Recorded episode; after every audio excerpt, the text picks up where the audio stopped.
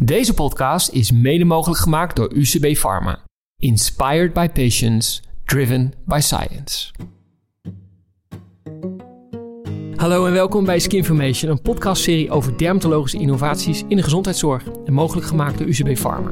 En tijdens deze serie bespreken we innovaties die onze wereld aan het veranderen zijn. Want ik dacht, dat zijn de mensen die ik zie. En ik heb het nog nooit met ze over seks gehad. Toen is me pas opgevallen hoeveel mensen eigenlijk daar daadwerkelijk last van hebben. Zorgprofessionals, dat ze het ook heel moeilijk vinden om het onderwerp te benoemen. Als ze dat dan zien, van dat er ook echt aandacht voor is met zo'n map, dat scheelt al heel veel. Mijn naam is Bob Krijn, ik ben zorginnovator en presentator. En ik presenteer deze serie normaal gesproken met futurist Tony Bosma. Tony is er vandaag helaas niet bij, maar wel hier aan tafel niet één, maar twee gasten. Betrokken bij het maken van de zorgatlas, huidaandoeningen en intimiteit. En de atlas is een visuele voorlichtingstoel die gesprekken over intimiteit en seksualiteit met chronisch zieke huidpatiënten kan ondersteunen. Mijn eerste gast van vandaag is Jenny Jansen. Ze is verpleegkundig specialist dermatologie. Met aandachtsgebied inflammatoire huidaandoeningen, allergie en research. En je bent werkzaam in het Brave Ziekenhuis op de locaties Bergen op Zoon en Roosendaal. Welkom Jenny. Dankjewel. Fijn uh, om uitgenodigd uh, te zijn. Belangrijk onderwerp. Goed onderwerp. En dankjewel dat je helemaal uit Bergen op Zoom hier naar Rotterdam bent gekomen. Door de file heen, ondanks de COVID-19-pandemie. En als tweede gast vandaag hier aanwezig Nienke Dekkiga, fysiotherapeut en consulent seksuele gezondheid. En onder andere initiatiefnemers van Bespreken met Zorg.nl en Fijnvrije. Welkom Nienke, leuk dat je er bent. Dankjewel voor de uitnodiging. En jij komt uit Hilversum. Helemaal uit Hilversum. Helemaal uit Hilversum. En allebei zitten we hier aan tafel om te praten over dit uh, belangrijke onderwerp. Maar voordat we over dit onderwerp gaan praten, leuk voor ons uh, hier aan tafel in de studio en voor de luisteraars als jullie iets meer over jezelf willen vertellen. Nienke, begin gewoon bij jou. Je dagelijkse werkzaamheden, hoe zien die eruit? Ja, op dit moment bestaan die met name uit trainingen geven aan zorgprofessionals. Hoe ze het onderwerp seksualiteit makkelijker bespreekbaar maken met, uh, met hun cliënten. En naast de werkzaamheden, nog hobby's of andere interesses? Nou, ik ben erg druk met twee knuffelkaters die ik... Uh, knuffelkaters? Ja, knuffelkaters. echt met recht knuffelkaters. Eentje van 8 kilo maar liefst. En uh, gewoon lekker mijn ommetjes wandelen en uh, een beetje met de familie bezig zijn. Leuk, dankjewel. En jij, Jenny, dagelijkse werkzaamheden, hoe zien die eruit? Ja, ik heb een hele dag spreekuur waarin ik ja, verschillende patiënten zie. Um, die begeleid ik, uh, maar behandel ik ook. Dus uh, dat is een beetje de combinatie. Ik heb net wat meer tijd dan een uh, dermatoloog. Hoeveel tijd heb je ongeveer? Ik heb voor een nieuwe patiënt een half uur en voor een controlepatiënt een kwartier. Het is niet heel veel tijd, maar iets meer tijd dan de ja, dokter zei je net. Ja, zeker. En naast je werkzaamheden, wat doe je in je vrije tijd? Nog hobby's of andere bezigheden? Ja. Nou ja, ik uh, kan heel erg genieten van de leuke dingen van het leven. Lekker eten, maar zelf ook uh, koken, bakken. Nou, voor mijn kleinkinderen zorgen, leuke reisjes maken, die dingen. Dat soort dingen. Ja. En hoeveel kleinkinderen heb je? Ik heb er ondertussen bijna vijf. Bijna de vijfde vijf. wordt geboren 5 december. Nou, je wint van mij. Ik heb er vier. Oh, kijk eens aan. het is geen competitie, maar toch. Moet ik even gezegd hebben. Je luistert naar Skinformation. Vandaag ben ik in gesprek met Jenny Jansen, verpleegkundig specialist dermatologie, en Nienke Dekkinga, fysiotherapeut en consulent seksuele gezondheid. En we gaan praten over de zorgatlas, huidaandoeningen en intimiteit. Nienke, begin weer met jou. Op je website staat te lezen: iedereen heeft behoefte aan en recht op een goed seksleven, in welke vorm dan ook. Ook mensen met een chronische ziekte of lichamelijke aandoening. Waarom staat dat op jouw website specifiek? Dat is eigenlijk gewoon ook echt mijn missie. Ik heb gelukkig zelf geen chronische aandoening, maar ik weet wel uit persoonlijke ervaring hoe het is als seks niet zo gaat zoals je zou willen. Ik heb net zoals zoveel jonge vrouwen in het verleden last gehad van pijn bij vrijen.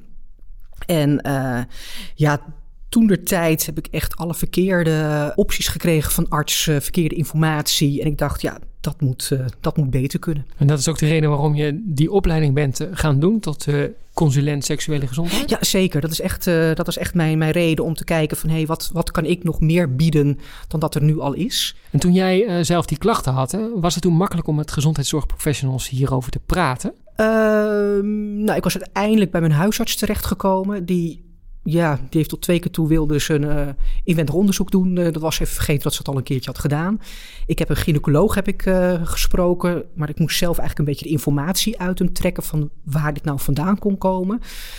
Ehm, ik ben ook ooit nog bij een bekkenfysiotherapeut geweest vanwege een andere klacht, maar die heeft het er niet over, niet over gehad. Dus ik had niet het idee dat het een vanzelfsprekendheid was. Hoe lang geleden is het ongeveer? Oh, jeetje, ik ben nu 45, dus dat is uh, 20, 25 jaar geleden. Het is al eventjes geleden. Ja, geleden. Een tijdje, tijdje, geleden, ja. Er is natuurlijk een hoop veranderd in, in informatievoorziening en alles wat te vinden is. Desalniettemin is 2021 uitgeroepen tot de infodemic. Dat er, en dat wil echt zeggen dat de informatie die te vinden is, is ook een pandemie. Iedereen met een keyboard en een internetverbinding kan natuurlijk wat op internet gooien. Ja. Als jij nu deze search zou doen met dezelfde klachten, wat vind je dan? Waar kom je dan terecht? Ik denk dat je overal terecht kunt komen. Maar ik adviseer altijd: hou je bij uh, gerenommeerde websites. Of van ziekenhuis of van een stichting. Of uh, nou ja, websites zoals die voor mij inderdaad. Er ja. is ook gewoon heel veel goede informatie te vinden, inderdaad. En nog even terugkijken naar die opleiding die je hebt ja. gedaan. Kun je op hoofdlijnen zeggen, wat, wat wordt je daar geleerd? Uh, het bestaat eigenlijk uit drie blokken. Waar uit één blok bestaat counseling. En daarin krijg je eigenlijk van allerlei soorten onderwerpen. En de reden waarom ik echt deze richting heb gekozen, omdat tijdens de opleiding was er ook, kregen we ook een revalidatieseksuoloog, echt met Kruiver. En die vertelde inderdaad over uh, chronische zieken en seksuele problemen. En het was voor mij echt als fysiotherapeut, ik werkte toen al 15 jaar als fysiotherapeut, een eye-opener. Want ik dacht, dat zijn de mensen die ik zie. En ik heb het nog nooit met ze over seks gehad. En dat vond ik echt wel een, een blinde vlek wat mij betreft. Dus ik dacht, ja, dit, dit moet anders in de, zorg, uh, in de zorgwereld. Jenny, jij werkt in het uh, Brave ziekenhuis met dermatologische patiënten, chronisch zieke patiënten, ja. die, die uh, Nienke net noemde. En onderzoek toont aan dat de dood en seksualiteit, intimiteit niet of nauwelijks, of in ieder geval het minst besproken worden in de spreekkamer. Herken je wat Nienke zegt, dat ja. dat heel weinig besproken wordt? Ja, eigenlijk wel. Je moet recht al naar vragen voordat iemand over begint. Hoe ja. komt dit, denk je? Ja, soms denken mensen ook wanneer uh, ze een behandeling uh, aangaan, dat daar dan het probleem uh, wat ze hebben aan de huid, bijvoorbeeld op de geslachtsdelen of zo, dat gelijk mee behandeld wordt. En dan is het al net zo makkelijker om er niet over te praten, zodat het vanzelf opgelost wordt. Hoe is dat voor jou persoonlijk als gezondheidszorgprofessional? Praat jij er makkelijk over? Nou ja, als je een lichamelijk onderzoek doet, uh, benoem ik eigenlijk altijd of er uh, ook nog last is bij de klachten zijn bij de geslachtsdelen. Ik moet zeggen dat ik dat ook niet altijd gedaan heb, maar ooit met een studie meegedaan voor onderzoek naar psoriasis bij de geslachtsdelen. Toen is me pas opgevallen hoeveel mensen eigenlijk daar daadwerkelijk last van hebben als je er echt naar gaat vragen en gaat benoemen. En sinds die tijd doe ik het altijd. En hoe, hoe ervaren patiënten dan het feit dat jij ernaar vraagt. Ja, dat is ook niet altijd makkelijk, want hè, um, over het algemeen houden mensen wel gewoon er ondergoed aan. Hè, en uh, bij bepaalde huidaandoeningen is het echt een typische plek, bijvoorbeeld bij de billen, uh, om een plekje te hebben. En uh, dat benoem ik dan ook, van dat juist op die plekken de huidaandoening echt heel actief kan zijn en ook heel vervelend. En dat ik er dan toch graag even naar wil kijken. Nou, over het algemeen gaat dat wel. sommigen vinden het niet prettig en excuseren zich ervoor. Dat gebeurt eigenlijk ook best nog af. Ze schamen zich ervoor. Ja. Is dat ook een reden waarom het moeilijk te bespreken is misschien wel? Ja, ja waarschijnlijk wel. Um, ja, um, dat ze het gewoon eigenlijk liever niet willen laten zien. Ja. Maar wel benoemen dan, maar liever niet willen laten zien. Maar ik kan me voorstellen, als je daar een huidafwijking hebt, dat je er wel heel veel last van hebt. Los van dat het functionaliteit is. Ja. Dat je misschien geen geslachtsgemeenschap kunt hebben. Of Zeker. dat je minder aantrekkelijk voelt. Ja. Dat je allemaal plekken hebt, dat het, dat het pijn doet, dat het jeukt. Ja. Dat, dat, dat het dan heel fijn is dat een zorgprofessional daarover begint met ja, je. dat klopt. En natuurlijk ook juist daar kun je ook de behandeling op aanpassen. Want uh, de behandeling daar uh, is, is eigenlijk al anders dan op de rest van het lichaam. Hè? Want op het moment dat je uh, behandelt van, op, op, plekken waar de huid tegen elkaar aankomt... ja, dat is toch een andere behandeling dan op delen die wat dikker zijn... zoals je armen of je benen. Dus juist dat moet je wel benoemen. Nu ja. zit je al wat jaren in de gezondheidszorg. Hoeveel jaar werk jij al als verpleegkundige specialist bij deze groep Ik ben tien jaar als verpleegkundige specialist aan het werk. Merk je dat de laatste tien jaar dat er een verandering is in mentaliteit om het wel bespreekbaar te maken? Of is het hetzelfde als tien jaar geleden? Nee, het is wel veel makkelijker geworden, ja. Het is natuurlijk ook omdat er aandacht uh, voor is uh, met vragenlijsten die je al van tevoren aan een patiënt kunt geven. Zodat je het dan ook al uh, kunt uh, benoemen als je het ziet. Hè? Als mensen erop reageren van dat ze inderdaad last hebben bij het vrijen of uh, hè, een gevoelige huid hebben of uh, dat het inderdaad in hun sociale contacten belemmert, kun je daar wel op doorgaan. Nienke, nu geef jij veel voorlichting aan ja. mensen die chronisch ziek zijn over intimiteit en seksualiteit. Wat is jouw ervaring van de laatste tien jaar? Is het, wordt het anders? Wordt het makkelijker? Hoe zie je dat? Um, ja en nee. Um, ik, ik hoor toch regelmatig nog van zorgprofessionals dat ze het uh, ook heel moeilijk vinden om het uh, onderwerp te benoemen. Of uit eigen schaamte, of omdat ze denken van goh, uh, ze zijn bang dat de patiënt denkt van waar bemoei je je mee. Soms ook een stukje onkunde nog. Ik merk wel een verschil dat een aantal, ik denk zo vijf tot zeven jaar geleden, toen durfde de patiëntenvereniging het nog niet zo op de kaart te zetten. Toen werd het toch weer uh, afgeketst. Je werkt voor diverse patiëntenverenigingen. Ja, diverse patiëntenverenigingen, ook Stichting Olijf, en, maar ook voor Parkinsonverenigingen. Um, en ik merk toch dat de laatste jaren daar veel meer aandacht aan besteed wordt. Dus ook bij patiëntenverenigingen staat het echt meer op de, op de kaart. Uh, alleen het heeft nog niet de vertaalslag gemaakt naar mijn mening dat het ook makkelijker bespreekbaar wordt gemaakt. Wat jou betreft is dan de blokkade of het bezwaar bij de patiënt of juist bij de zorgprofessional of versterkt dat elkaar en blijft het soort van stilzwijgend in het midden liggen? Ik denk dat het elkaar versterkt, maar mijn, naar mijn mening is het gewoon echt de verantwoordelijkheid van de zorgprofessional om het aan te kaarten. Je eens, Jenny? Ja, daar ben ik het zeker mee eens. Ja. Hoe, hoe doe je dat met collega's die het moeilijk vinden of die tegen jou zeggen: Ja, ik doe het eigenlijk nooit. Of ik zie die lijst, die vragenlijst, die geef ik en dan zie ik op die vragenlijst staan. En dan hoop ik dat ze het niet bespreken. Hoe bespreek je dat met je collega's? Ja, vaak wordt het een beetje verscholen achter tijd. Hè? Want je, je ja, natuurlijk een onderwerp wat ook wel wat uh, tijd vergt, dan moet je er ook wel op door. En uh, soms is het veel makkelijker om het dan maar niet te benoemen. Um, en dat is het, uh, ja, wel het moeilijke ervan. Maar wij hebben onderling, hè, als verpleegkundige specialisten, ook van die intervisiegesprekken. En daar wordt het ook wel regelmatig benoemd, hè, van dat het wel belangrijk is. Dus wij praten daar onderling wel over. Ja. Ik heb geleerd dat het een belangrijk onderdeel is van de kwaliteit van leven. Dat ja. seksualiteit en intimiteit. Mm -hmm. Dan lijkt me dat je dat als zorgprofessional, als je dat niet bespreekt, dat je je patiënt misschien ook wel zelfs iets ontneemt. Mm -hmm. ja. Hoe zie je dat? Ik ben het daar zeker mee eens, ja. Ja. Is dat ook de reden voor jou, Nienke, en voor jou, Jenny, om met de zorgatlas uh, aan de slag te gaan? Om, om dit onderwerp, het hele belangrijke onderwerp, bespreekbaar te maken? Jenny, begin bij jou. Ja, toen ik uh, daarvoor gevraagd werd, dacht ik van ja, dit is echt wel een uh, onderwerp waar ik ook iets mee kan. Hè? Want ik heb tijdens mijn opleiding ook veel aandacht gegeven aan zo'n vragenlijst. Met name dan ook om die vragen. Hè, die vragen staan er dan ook in over intimiteit. Maar dan kwam er iets uit dat mensen ook echt daar veel last van hadden. En hoe moest je dan verder? Hè? Dat was altijd een beetje ja, het probleem. Het analyseren Want, is één ja, ding, of, of ja, diagnosticeren, maar dan moet je nog iets. Hè? En, en dat is natuurlijk ook niet altijd even eenvoudig, hoe je daar dan mee doorkomt. En dan komt er vaak inderdaad de tijd uh, wel uh, bij te pas. Uh, toen ben ik een opleiding gaan doen om samen met de psycholoog van het ziekenhuis daar aandacht aan te besteden. En soms pakken wij dat dan zelf op, juist samen op, juist uh, die dingen, maar ook uh, ja, onbegrepen jeuk. Of, uh, dat zijn natuurlijk heel andere dingen, maar dat kunnen we dan samen. Nou ja, we hebben recent Tony, die vanavond natuurlijk niet aanwezig is. en ik hebben een trendonderzoek gedaan binnen dermatologie. En er was psychodermatologie wel ja. een opkomende trend. Ja. Hè, dat de psycholoog samen met de dermatoloog het spreekuur draait. Mm -hmm. En dat is eigenlijk hetzelfde wat we nu horen dan van jou met seksualiteit en een psycholoog. Dat het ook zeker iets mogelijkheid is. Klopt. Had ik nog nooit eerder van gehoord. Jij wel? Nou, je ziet natuurlijk heel veel psycholoog-seksologen. Dus dat een, een, samenwerkingsverband, dat kan ik alleen maar uh, toejuichen, zeg maar. Ja. Um, ik denk juist dat een, een, psycholoog, zeker als we het hebben met uh, chronische huidaandoeningen, dan heb je toch heel veel te maken met schaamte.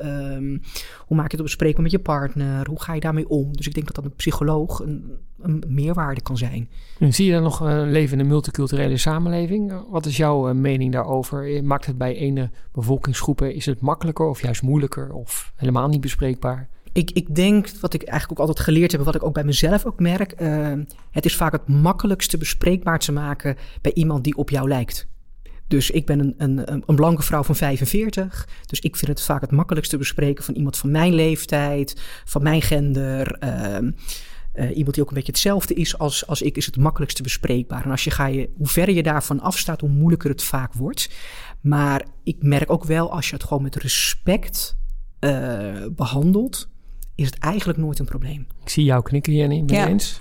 Ja, gedeeltelijk. Um, het is wel zo, hoe ouder dat, dat je wordt, um, dan word je wel in jaren, maar voor in je hoofd niet. En uh, dus ik voel me eigenlijk altijd heel vaak gewoon hetzelfde als degene die voor me zit. Jenny, wat hoopte jij te bereiken toen je startte met de zorgatlas? Wat, wat, wat hoopte je daarvan? Ja, in ieder geval, ja, het is, het is natuurlijk niet altijd iets wat je gelijk uh, bijpakt. Maar als je ziet, uh, hè, als je lichamelijk onderzoek doet en je ziet dat mensen bepaalde plekken klachten hebben, dan kun je het wel uh, benoemen, kun je samen kijken en het op die manier een beetje als een praatpapier gebruiken. Je Je luistert naar Skinformation en vandaag ben ik in gesprek met Jenny Jansen, verpleegkundige specialist dermatologie en Nienke Dekkinga, consulent seksuele gezondheid. Eerste blok spraken we over hoe moeilijk het kan zijn om de juiste informatie te vinden rondom het onderwerp intimiteit en seksualiteit. Dat seksualiteit ook lastig kan zijn om te bespreken als gezondheidszorgprofessional. In het tweede blok praten we verder over de zorgatlas. Nienke, jij bent samen met dermatoloog Wim de Kort, Rieke Dikmans, arts en seksuoloog in opleiding en Jenny aan de slag gegaan met de zorgatlas huidaandoeningen en intimiteit. Laten we eens kijken naar eh, de zorgatlas zelf. Welke hoofdstukken zijn er op hoofdlijnen in te vinden? Ja, op hoofdlijnen zijn er in te vinden. Het is eigenlijk heel divers, natuurlijk over de huid, welke huidaandoeningen er zijn, maar ook welke um, ja, psychologische klachten je kunt, uh, kunt hebben, werk, sociale activiteiten kinderwens, zwangerschap en natuurlijk mijn, uh, mijn onderdeel relaties, intimiteit, seksualiteit. En, en de partner komt ook aan, uh, aan bod. Daar heb je ook aan meegeschreven aan die hoofdstukken? Ja, ik heb met name de hoofdstukken over relaties, intimiteit, seksualiteit en, en partner heb ik met name aan mee mogen werken. Natuurlijk heb ik ook alle andere hoofdstukken zijn wel onder mijn ogen gekomen. Maar ik vond dat dus iets minder mijn expertise. Dus dat heb ik bij de anderen gelaten. Nou hoor ik van andere seksuologen dat het hebben van seks in maar een zelden gericht is op het uh, verkrijgen van kinderen, maar vooral ontspanning en recreatie is. Uh, hoe zie Klopt. je dat bij mensen met een chronische aandoening? Is dat ongeveer hetzelfde? Ik zou daar niet de cijfers van durven zeggen, maar nee. ik kan me niet voorstellen dat het daar heel erg anders is. Nee, maar ik kan me wel voorstellen als je dus een chronische aandoening hebt en dat gaat allemaal minder, dat de recreatie en de ontspanning ook minder is. Ja, als je, het, als je het zo bekijkt, dan, dan wel. In, in, in sommige gevallen kan het soms ook wat moeilijker zijn om, uh, om, om zwanger te worden. Dus dan heb je ook die kant uh, wel mee. Um, maar ik denk, ik denk in grote lijnen dat ook daar het, het, seks hebben meer gaat om het plezier hebben. En juist kan seks ook ontspanning geven. Onderstreep je dat? Ondersteun je dat ook? In je praatjes zeg je dat ook tegen mensen met een chronische aandoening? Jazeker. Ja? Ik denk je, uh, plezier houden. Je, je noemde het zelf net al. Seks zorgt ook voor een stukje kwaliteit van leven. Ja. En het kan best zijn dat je niet meer seks hebt zoals je gewend was te hebben. Maar dat wil niet zeggen dat je niet heel erg kan genieten van seks op een andere manier. En dan bespreek je misschien andere technieken ja. of andere ja, mogelijkheden. Of andere manieren. Hè, seks bestaat niet alleen maar uit penetratieseks. En daar hebben we het vaak wel over hier in het Westen. Maar seks bestaat uit veel meer dingen dan dat. Kun je een paar voorbeelden geven voor mensen die chronisch ziek zijn, wat je dan bijvoorbeeld zou kunnen adviseren? Nou, je kan uh, masturberen, uh, vingeren, orale seks, uh, gewoon elkaar heerlijk erotische massages geven.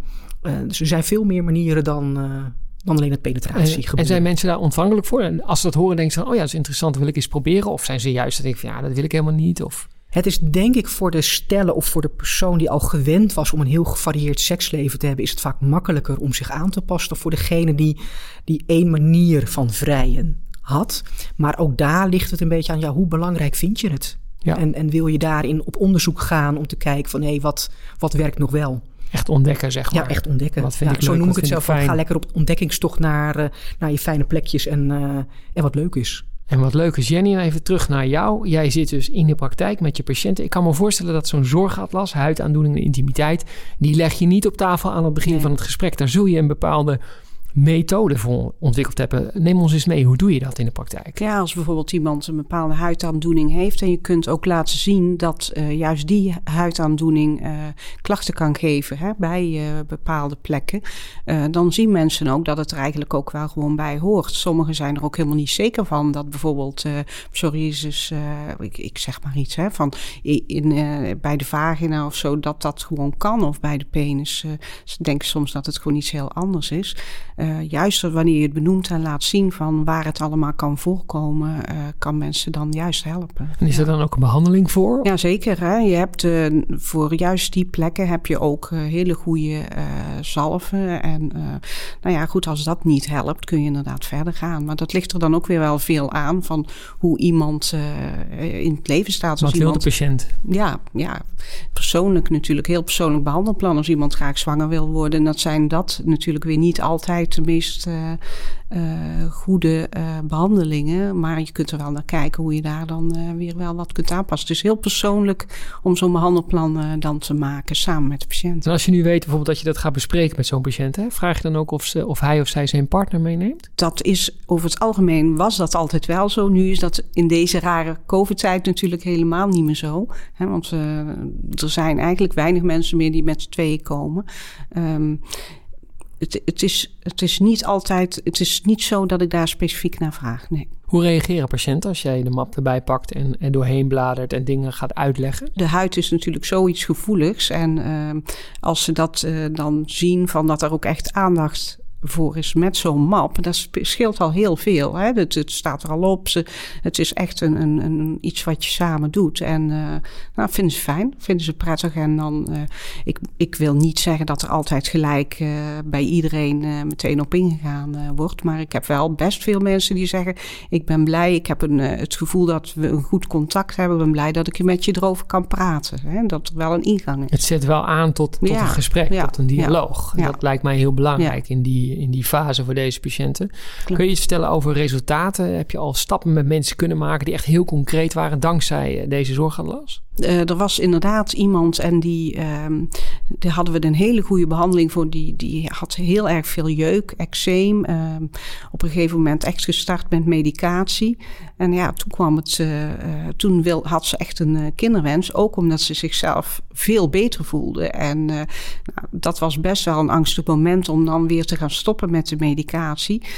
de begeleiding daarbij en dat ze gewoon contact met mij kan hebben. Heel kort hè, met een e-mail of zo. Van wat kan ik dan het beste gebruiken en zo. Dat, dat is uh, eigenlijk een. Dat contact is er nog steeds. Ze is nu ondertussen twaalf weken zwanger. En ik heb uh, uh, laatst nog even met haar gesproken. Um, ze heeft veel last van de huid. Maar goed, ze, het is voor haar wel belangrijk dat ze iemand heeft waar ze dat eventjes mee kan koppelen. En de behandeling veel kan mee bespreken. Dus zo'n zo map zorgt ook nog voor een stukje ja, relatie, extra relatie en versterking en versteviging. Ja, ja, ja, Nog even terug naar die collega's hè, die, die het niet zo goed weten hoe ze het moeten bespreken of ze het kunnen bespreken en willen bespreken. Mm -hmm. Dan lijkt me het belangrijkste als ze het niet zelf kunnen of willen, dat ze weten waar ze naartoe moeten ja. doorverwijzen. Ja, dat klopt. Dat klopt. En ik krijg ook best wel vaak die patiënten door. Ja. Die sturen ze dan ja, naar jou? Ja, en dan ook meer al van, nou je hebt er nog net wat meer tijd voor en dat klopt ook wel. En dan maakt het ook helemaal niet uit. Dan, uh, dan is dat gewoon uh, mooi. Het zijn vaak speciale mensen waar je dan net uh, een betere band mee kunt hebben. Dus ik vind dat heel erg prettig. Ja, ik vind het ook al mooi dat ook in de zorgatlas staan ook al wat doorverwijsmogelijkheden. Wat websites die, die belangrijk zijn. Dus ik denk ook zeker voor de zorgprofessionals die het moeilijk vinden om het te bespreken. Die kunnen daar ook een stukje houvast aan houden. Ze kunnen weten in ieder geval waar ze naartoe kunnen doorverwijzen voor meer informatie. Is dit onderdeel van de opleiding voor verpleegkundige specialisten? Seksualiteit? Volgens mij niet, want ik word regelmatig gevraagd om voor verpleegkundige specialisten of voor verpleegkundigen een, uh, een training te houden over ja. het onderwerp. Dus ik ja. denk niet dat het structureel. Nee, denk het ook niet. Zij hebben die opleiding al afgerond. Ja, ja. die is al afgerond. Uh, ja. Ja, terwijl als ik jullie zo hoor, en, en nou, dat weet ik ook uit ervaring, is dat een heel belangrijk onderwerp. Ja. Dus misschien nog wel een tip voor de opleiders van verpleegkundige specialisten om hier tijd voor te maken in het curriculum. Kunnen ze jullie uitnodigen? dat zeker.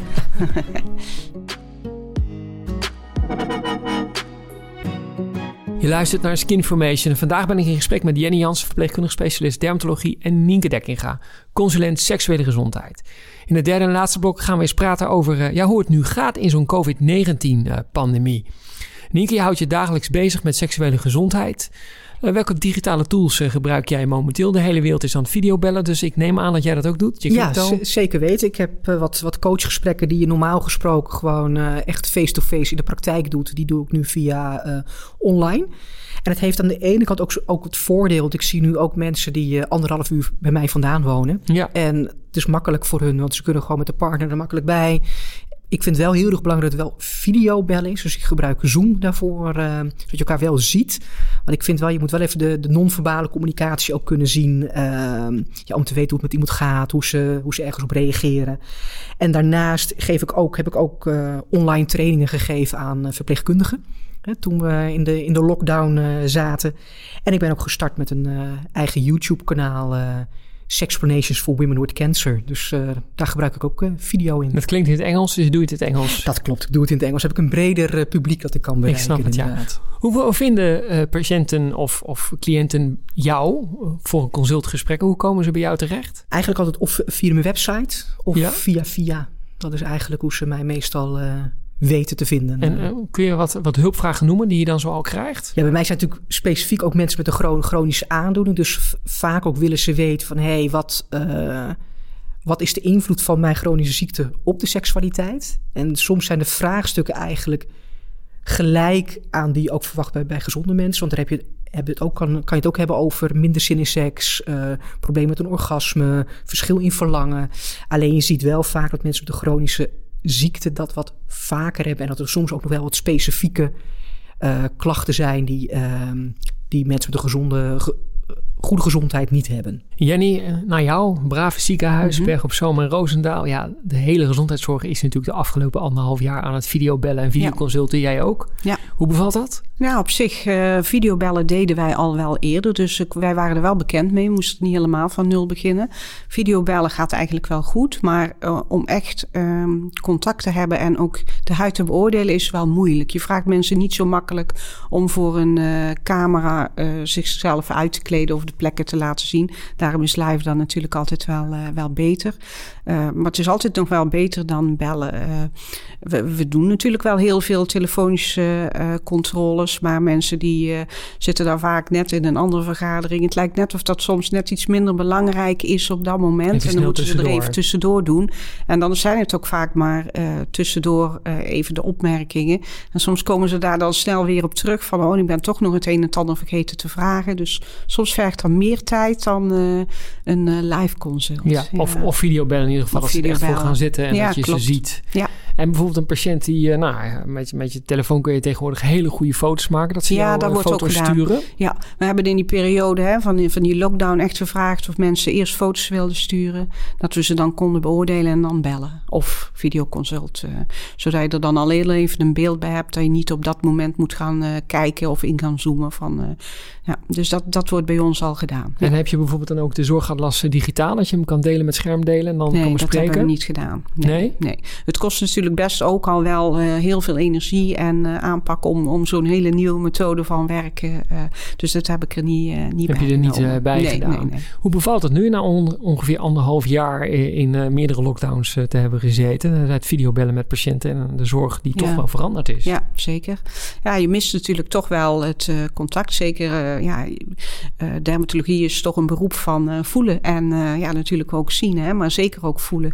je, je, je moet mensen aanraken om te kijken van hoe dik een huidaandoening is of hoe, hoe het echt irriteert is best moeilijk om dat uh, met een foto te beoordelen. Dus ja, we proberen het natuurlijk wel, maar we zijn, we zijn zeker nog heel erg actief met gewone, gewone controles hoor. Die komen ook. En die komen ook. En je had het er straks nog even over die, die vragenlijsten. Kun je daar iets specifiek ja. over vertellen hoe die werken? Ja, wat we doen is uh, van tevoren een vragenlijst uitsturen. En dan hebben we het natuurlijk met name over uh, de kwaliteit van leven vragenlijst, maar ook van hoe hun zelf de uitgebreidheid van de huidaandoening inschatten. Dat is soms heel anders dan, dan dat wij doen. Hè. Wij wij uh, scoren vaak veel uitgebreider of dat huidaandoening veel ernstiger is dan mensen zelf denken. Ze zijn er vaak aan gewend en uh, ja, vinden het allemaal wel meevallen. Maar als je dan echt benoemt van uh, hoe intensief of hoe intens het is en ja, toch ook benoemen wat de chronische aandoening eigenlijk vergt, slecht slapen en zo, dan voelen ze zich vaak wel gehoord door. De, wel een beetje erkenning dat het inderdaad niet zomaar een beetje eczeem is. Ik denk dat mensen het verbaal vaak bagatelliseren. Ja. Maar als je zo'n vragenlijst in moet vullen, dat ja. je dan toch echt even nadenken. nadenken. En dat je dan denkt van, hé, hey, ja. ik heb toch echt wel heel veel klachten. Ja. ja, het is natuurlijk ook wel zo hè, dat mensen vaak, uh, door iedereen heeft wel eens een keer iets van eczeem of familie uh, of een kennis die eczeem heeft. Eczeem wordt vaak een beetje gezien van, nou ja, dat valt eigenlijk Gaat wel mee. Over. Terwijl het echt ja. een heel enorm chronische aandoening is, hè, waar je heel veel last van kunt hebben. Laatste vraag: komt er nog een vervolg op de zorgatlas, huidaandoeningen en intimiteit? Ik denk dat het in ieder geval belangrijk is dat die er is en dat die ook echt gebruikt gaat worden door, uh, door de zorgprofessionals. Gewoon als extra tool om dit belangrijke onderwerp bespreekbaar te maken. Dus dat, uh, dat hoop ik dat we dat in ieder geval bereikt hebben. Ja, zeker weten. En dat hij ook uh, op de polyklinieken ligt. Hè? Dat hij niet in een kast ligt, maar dat hij echt voor het grijpen ligt op de tafel. En daarmee zijn we aan het einde gekomen van deze Skinformation. Natuurlijk dank aan mijn gasten Nienke Dekkiga, consulent seksuele gezondheid, initiatiefnemer van Bespreek het met Zorg.nl en Fijn Vrije. Dankjewel Nienke. Ja, graag gedaan. Ik vond het uh, leuk om met deze podcast mee te mogen werken. Leuk dat je hier bent en was. En natuurlijk Jenny Jansen, verpleegkundig specialist dermatologie, werkzaam in het Brave ziekenhuis op de locaties Berg op Zoom en Roosendaal. Natuurlijk ook jij dank, Jenny. Heel erg bedankt. Erg leuk. Leuk om hier uh, aandacht aan te geven. Luisteraars, bedankt voor het luisteren en Samga bedankt voor de techniek en de montage. En ben je geïnteresseerd in andere afleveringen van Skinformation, het recent verschenen magazine Huid of het rendrapport Dermatologie? Kijk dan eens op www.medicalinnovation.academy dermatologie. Tot de volgende keer, tot ziens, hoi! Deze podcast is mede mogelijk gemaakt door UCB Pharma. Inspired by patients, driven by science.